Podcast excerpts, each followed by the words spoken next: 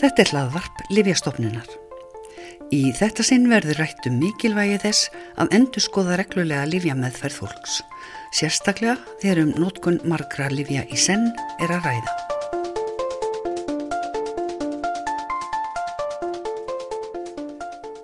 Í byrjun oktober fór fram í Reykjavík málþing þar sem fjalla var um skinsamlega endurskoðun livjameðferðar undir yfirskriftinni Liv án skada. Þarna voru flutt erindi, sum með raunverulegum dæmum um fjöllifjanótkun og hvernig hægt væri að endur með þetta þörf fyrir liv. Auk þess fenguð ráðstefnugesti sem voru víða að úr heilbreyðiskeiranum verkefni þessu tengt til að leysa úr. Einn frumælanda á málþinginu var Einar Stefán Björnsson, profesor við Háskóla Íslands og livleiknir á landsbytalanum, fórstuðumadur fræðasviðs livleikninga. Ég baða hann um að segja okkur hvað fælist í livjaendurskoðun, hvernig hún gæti farið fram og hvað gæti áunist. Málþingið var sem sagt á vegum verkefnisins Liv án skada. Kanski einhverjir sem staldra við og spyrja eiga lífi ekki að bæta heilsu og vera þá skadlaus? Jú, það er náttúrulega, maður verður að gera sér grein fyrir því að kostnaður við lífamæðferð eru hugsanar aukaverkanir. Og það er náttúrulega alltaf þegar að læknir sittur um lif þá er verið að meta ávinningin og áhættunum leið. Og Þannig að, að, að, að livjaríni og, og endurskoðanlifa er, er náttúrulega hotstein eh, livlætnisfræðina en, en þetta þarf að gefa enn meiri gaum heldur en hefur verið gefið. Og, og, og þetta er raun og verið gert þegar að með leggjast inn á landsbítala með einhverja aukaverkun, það getur verið blæðing frá meldinga eða eitthvað annað. Þá er náttúrulega alltaf endurskoðuð lifjamæðferðin og og þetta er, er hérna er ég að imprenta lækna nefnum sem ég er að kenna um þetta mál. Er, mjög algengt að hérna fólk sé að taka mörg liv í einn? Já, það er um, algengt og verður æg algengara með vaksandi aldri og við gerum svolítið greinamun á, á fjölliða meðferð sem að getur verið viðegandi, það getur kannski verið 5-10 líf og þegar farið að rína í þessi líf þá kemur í ljósa það, þau eiga, það, hjá öllu, öllum tilfellum erum viðegandi ábendingaræða, þar að segja það, það er ástæði, góð ástæði fyrir að mann taki lifin, síðan er hins vegar það sem við erum að sækjast eftir að bæta, það er að komi veg fyrir óviðegandi fjölliða meðferð og uh, það getur verið að ímsu tægi að, að hérna til dæmis geta maður verið með of háa skamta af livjum uh, til dæmis þegar hjá eldrafólki sem hefur ekkert breyst kannski í, í, í mörg ár og það getur valdið í mjög vandkvæðum og líka þarf að skoða ef að eitthvað kemur upp á hvort að ábendingi sé ennþá til staðar þetta er svona dæmi um, um svona mat eða livjaríni En hvernig er það, sko, fólk náttúrulega leita til uh, margra lækna gætnan, það, það er með sín heimilislækni, svo þarf það kannski að fara á læknavaktina eða bráðamóttökuna eða leggjast inn. Hafa læknar aðgangað upplýsingum um þau líf sem að viðkomandi er að nota? Þetta er mjög góð spurning. Um, það, það voru gífilega framfærir á þessu leiti eins og mörgum öðrum í, í lakningsvæði með, með svona rafrænu sjúkraskars upplýsingum og fyrir nokkur árum síðan þá kom til hérna Livia Gagnarkunar landlækni sem er opið, opið fyrir læknum og, og þar geta með séð liv sem aðrir hafa skrifað út og þetta er náttúrulega gríðarlega framfarið því að þá geta með svo sem ekki farið ef, ef menn eru, eru sem er til í dæminu með sér misnóta líf þá áður fyrir gáttum menn farið á millilækna og fengið sama líf kannski. En núna sést þetta svart á kvítu í tölfunni en, en það er hins vegar ekki svo augljóst ef að maður kemur inn og er á mörgum livjum þá kannski veit ekki alltaf sjúklingurinn hvaða hver er ástæðan fyrir að viðkomandi tekur þetta og hitt lifi? Það, það er sjúklingur mann það ekki og, það er ekki skýrt kemur ekki skýrt fram, þetta er kannski við lifanótku sem við verið í gangi mörg ár. Og þá þannig alltaf að meta sagt, hvort að þetta sé ástæð þess að halda livjónum áfram. Og, og það er ekkit alltaf mjög einfalt ef maður veit ekki upphafilegu ástæðuna. En þegar, þegar þú flettir upp í þessum livjagagnagrunni, sérðu þá fyrst og fremst uh, hvort annar læknir hefur ávisa nákvæmlega því lifi sem þú ætlar að ávisa eða sérðu þau allt saman? Sé allt saman. Öll, öll að, maður, maður getur sé hver hefur hérna, ávísaðið en um, við, við hérna á landsbyttanum við sjáum fólk með alvarleiri sjúkdóma og þeir koma hérna leggjast inn og, og þá er oft verið að fara í gegnum meðferðin og, og það geta verið til dæmis geðlif sem við komum til að vera á í marga ár það, það er, það geta verið aukaverkanir af þeim og svoleiðis en það, það er ekkert alltaf mjög auðvelt að ákvarða. Og raun og veru er ekki til mjög góða leiðbenningu það hver á að endur skoða slíka meðferð. Ef það er náttúrulega augljós hérna, ef það er augljóst og viðkomandi hefur eh, ekki ávinning af þessu eða aukaverkani sem hafa áhrif á heilsu þá náttúrulega er, er þessum lífum hætt. Stundum ef maður ætlar að hætta liðum þá þarf að trappa út minga smám saman þann, þannig að þetta er ekki alveg einfalt mál alltaf fjöllifja meðferð, hvað, sko, hvað er átt við með því, hvað eru við að tala um mörg líf? Já, það er, það er líka eh, svo sem eh, ekki algjörlega högvið í stein en áður fyrir að tala um meir en fimm líf en þetta er til dæmis fólk sem er yfir sjötugt, það, það er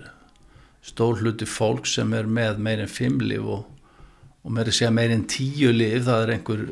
man ekki 10-20% fólki yfir 70 eða áttrætt, ég man ekki hvort var en þetta er mjög algengt. Og það sem við erum, eins og ég saði á þann þessi, við erum að reyna að, að spyrna við og komið veg fyrir óviðegandi fjölliða meðferð og ég held að það sé líka sko það við komið í ljós í rannsóknum að ef fólk er með mjög mörg líf þá, þá getur það stundum hefur verið sínt fram á að getur komið veg fyrir að með fá ekki þau líf sem eru lífsnöðsynleg því að það er alveg klart mál að, að öll líf er, hafi ekki jafn mikið vægi hjá til dæmis einum einstaklingi. Sem eru bráðnöðsynlegt meðan öður önnur eru það ekki. Og það sér maður best að því ef það er einhver aukaverkun sem leiðir til dæmis til innlagnar þá er ofta tíum hægt að taka það líf burtu og það þarf ekkit endilega að sita einn sambarilegt lið eða sama lið aft, uh, hérna, í staðin þannig að sér maður að það er ekki öll lið er ekki jafn, uh, mikilvæg. En er það eitthvað endilega augljóst ef uh, sjúklingu kemur inn með einhver enginni að það sé endilega aukaverkuna einhver lifi, tekur það ekki svolítið tíma að greina slíkt? Jú, það er í mörgum tilfellum erfitt en í sumum tilfellum augljóst til dæmis eins og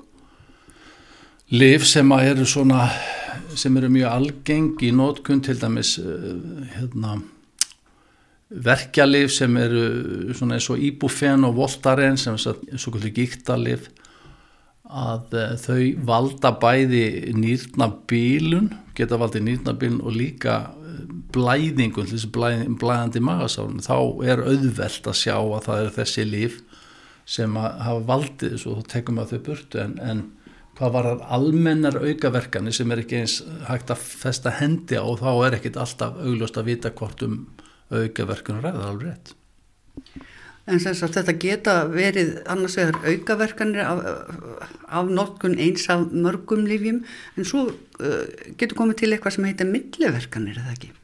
Jú, það er, það er mjög góður punktur og og eftir því sem að lífin eru fleiri sem viðkomandi er á þá er erfiðara að spá fyrir um milliverkanir. En það er til dæmis viss líf sem að geta valdið aukningu á, á, á verkun annar lífi, til dæmis blóðþyningalífja sem margir kannast nú við til dæmis að vera á blóðþyningu, það eru mjög mikilvæg líf til að komi veg fyrir eh, slag eða, eða blóðtappa í heila og svo leiðis hafa sínt sér hafa mikla þýningu en ef allir mis fólk fer á, á liv sem dæmi sveppaliv til dæmis eru þekkt fyrir þetta og önnu liv þá getur þetta valdið því að blóðþyningalifið það fara að virka miklu meira og, og hérna þá getur við komandi fengið blæðingu. Það eru svona milliverkani sem er mikilvægt að maður sé hérna meðvitaður um meðvitað og, og hérna og bregðist þá við á, á, á þann hátt að, að taka burtu það líf sem veldur milliverkunni eða, eða hefur skadlega áhrif á helsu. Uh, hafið þið einhvern uh, svona gagnagrunn eða einhvern banka til að sækja í til að meta, já annars vegar aukaverkanir og hins vegar uh, milliverkanir, þau líf sem að uh, ganga illa saman? Já, það er nú til ímsir svona tæki og tól, það var nú, ég maður þegar ég áður en ég fór úr sérnámi eða, eða réttar að sagt áður en ég flutti frá Svíþjóð þá var komin upp svona viðvörunarkerfi en maður ávistaði einhverju lifi þá, þá kom upp einhver gluggi sem að bendumennum á þetta geti verið varfugavert en raun og veru var það alltof viðkvæmt fyrir öllum mögulegu litlu og stóru. Þannig að það var svo sem, svolítið pirrandi en, en það sem að er hins vegar mjög mikilvægt sem við höfum gríðalega hjálp núna á spítalunum það er að hafa klíniska livjafræðinga sem að fara í gegnum lifið og það ef að koma upp svona flókin livjatengt atvik sem maður, maður sér ekki alveg í hendi sér þá, þá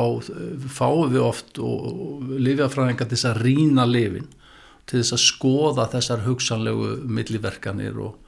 hvað fer saman og, og svolítið sérstaklega maður lendir í vandraðum með einhverja lifjanótkun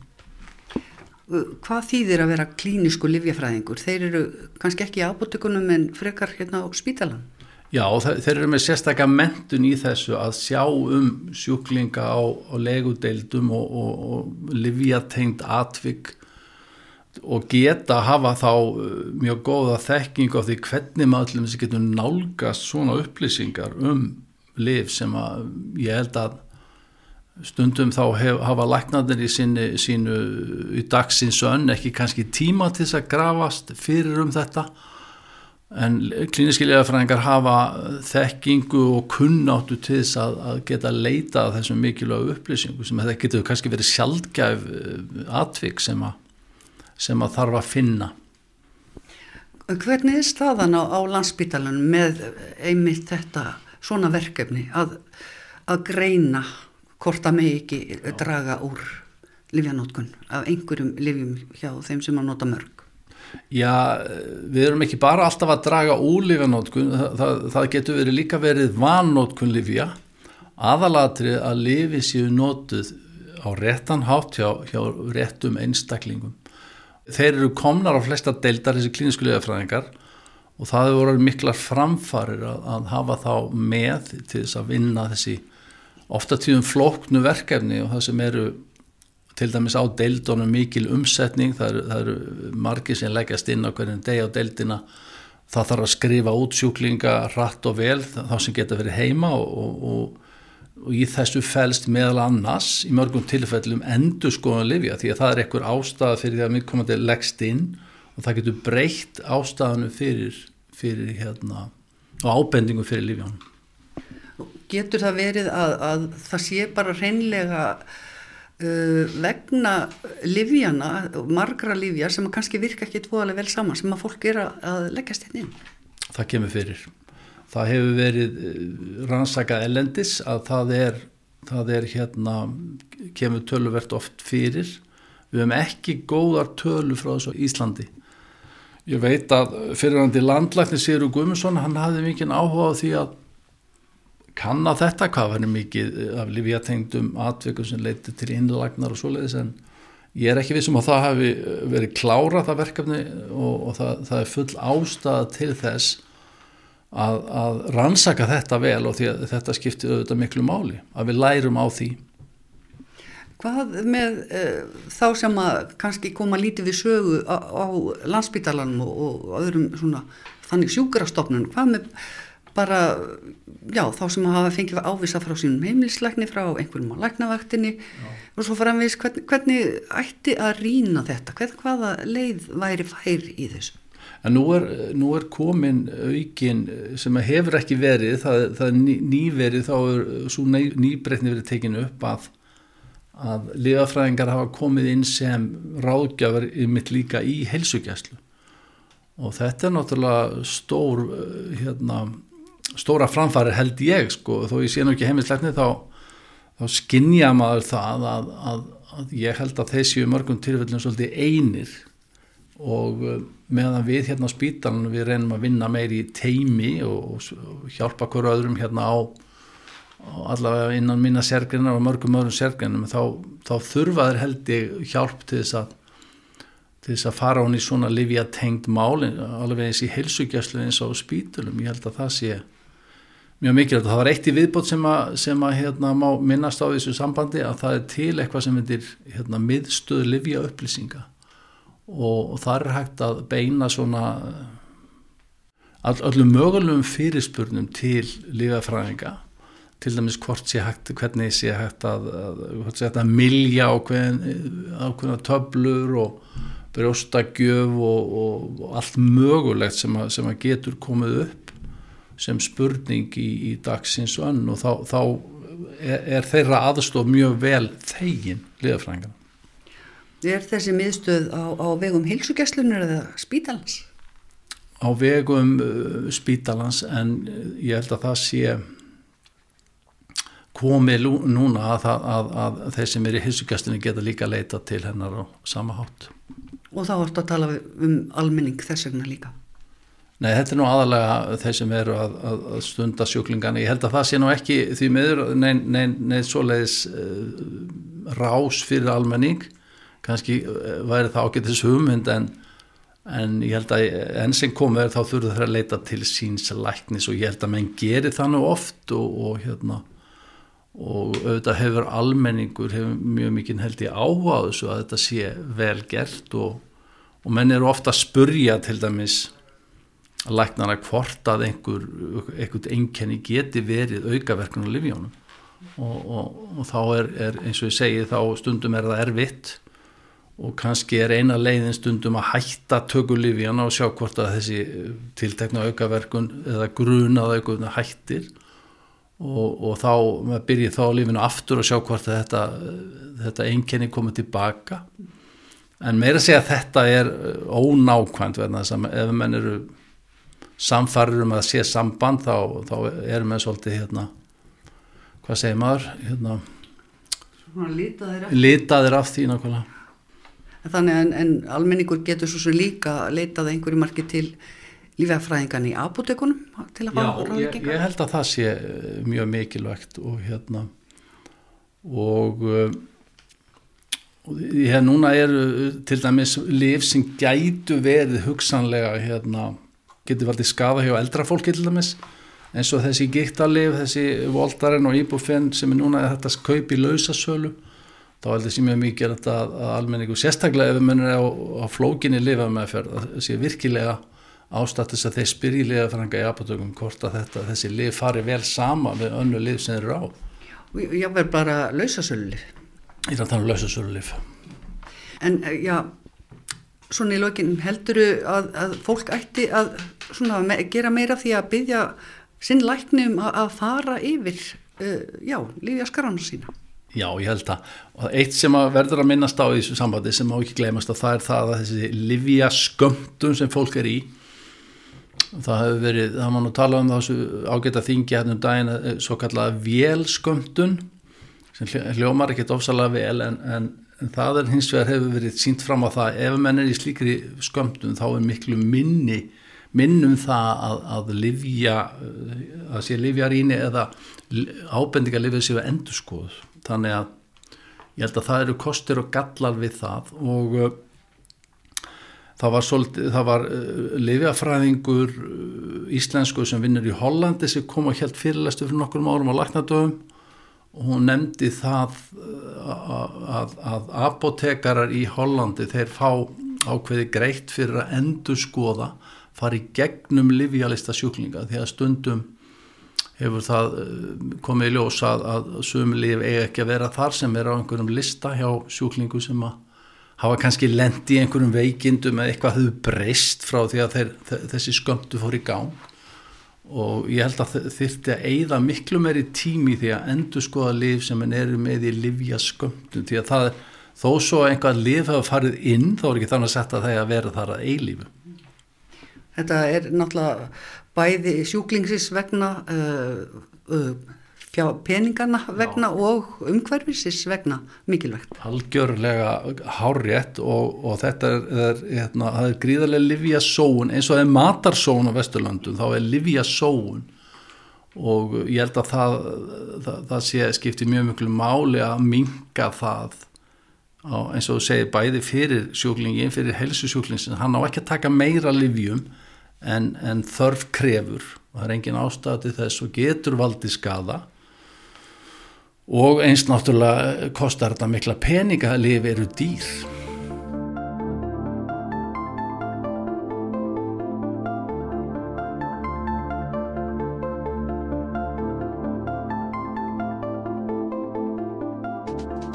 Þetta var Einar Stefán Björnsson, profesor við Háskóla Íslands og livlæknir á landsbítalan.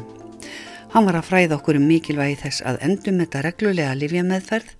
fara til dæmis yfir hvort enn sé þörf fyrir einhver liv sem ávísa var í fyndinni og hver ávinningurinn getur verið af slíkri endurskoðun. Þá verður þetta ekki lengra að sinni og nú verður gert hlið á vinslu hlaðvarps livjastofnunar um óokveðin tíma Svo tökum við upp þráðinn síðar. En takk fyrir að hlusta á hlaðvarp Livjastofnunar.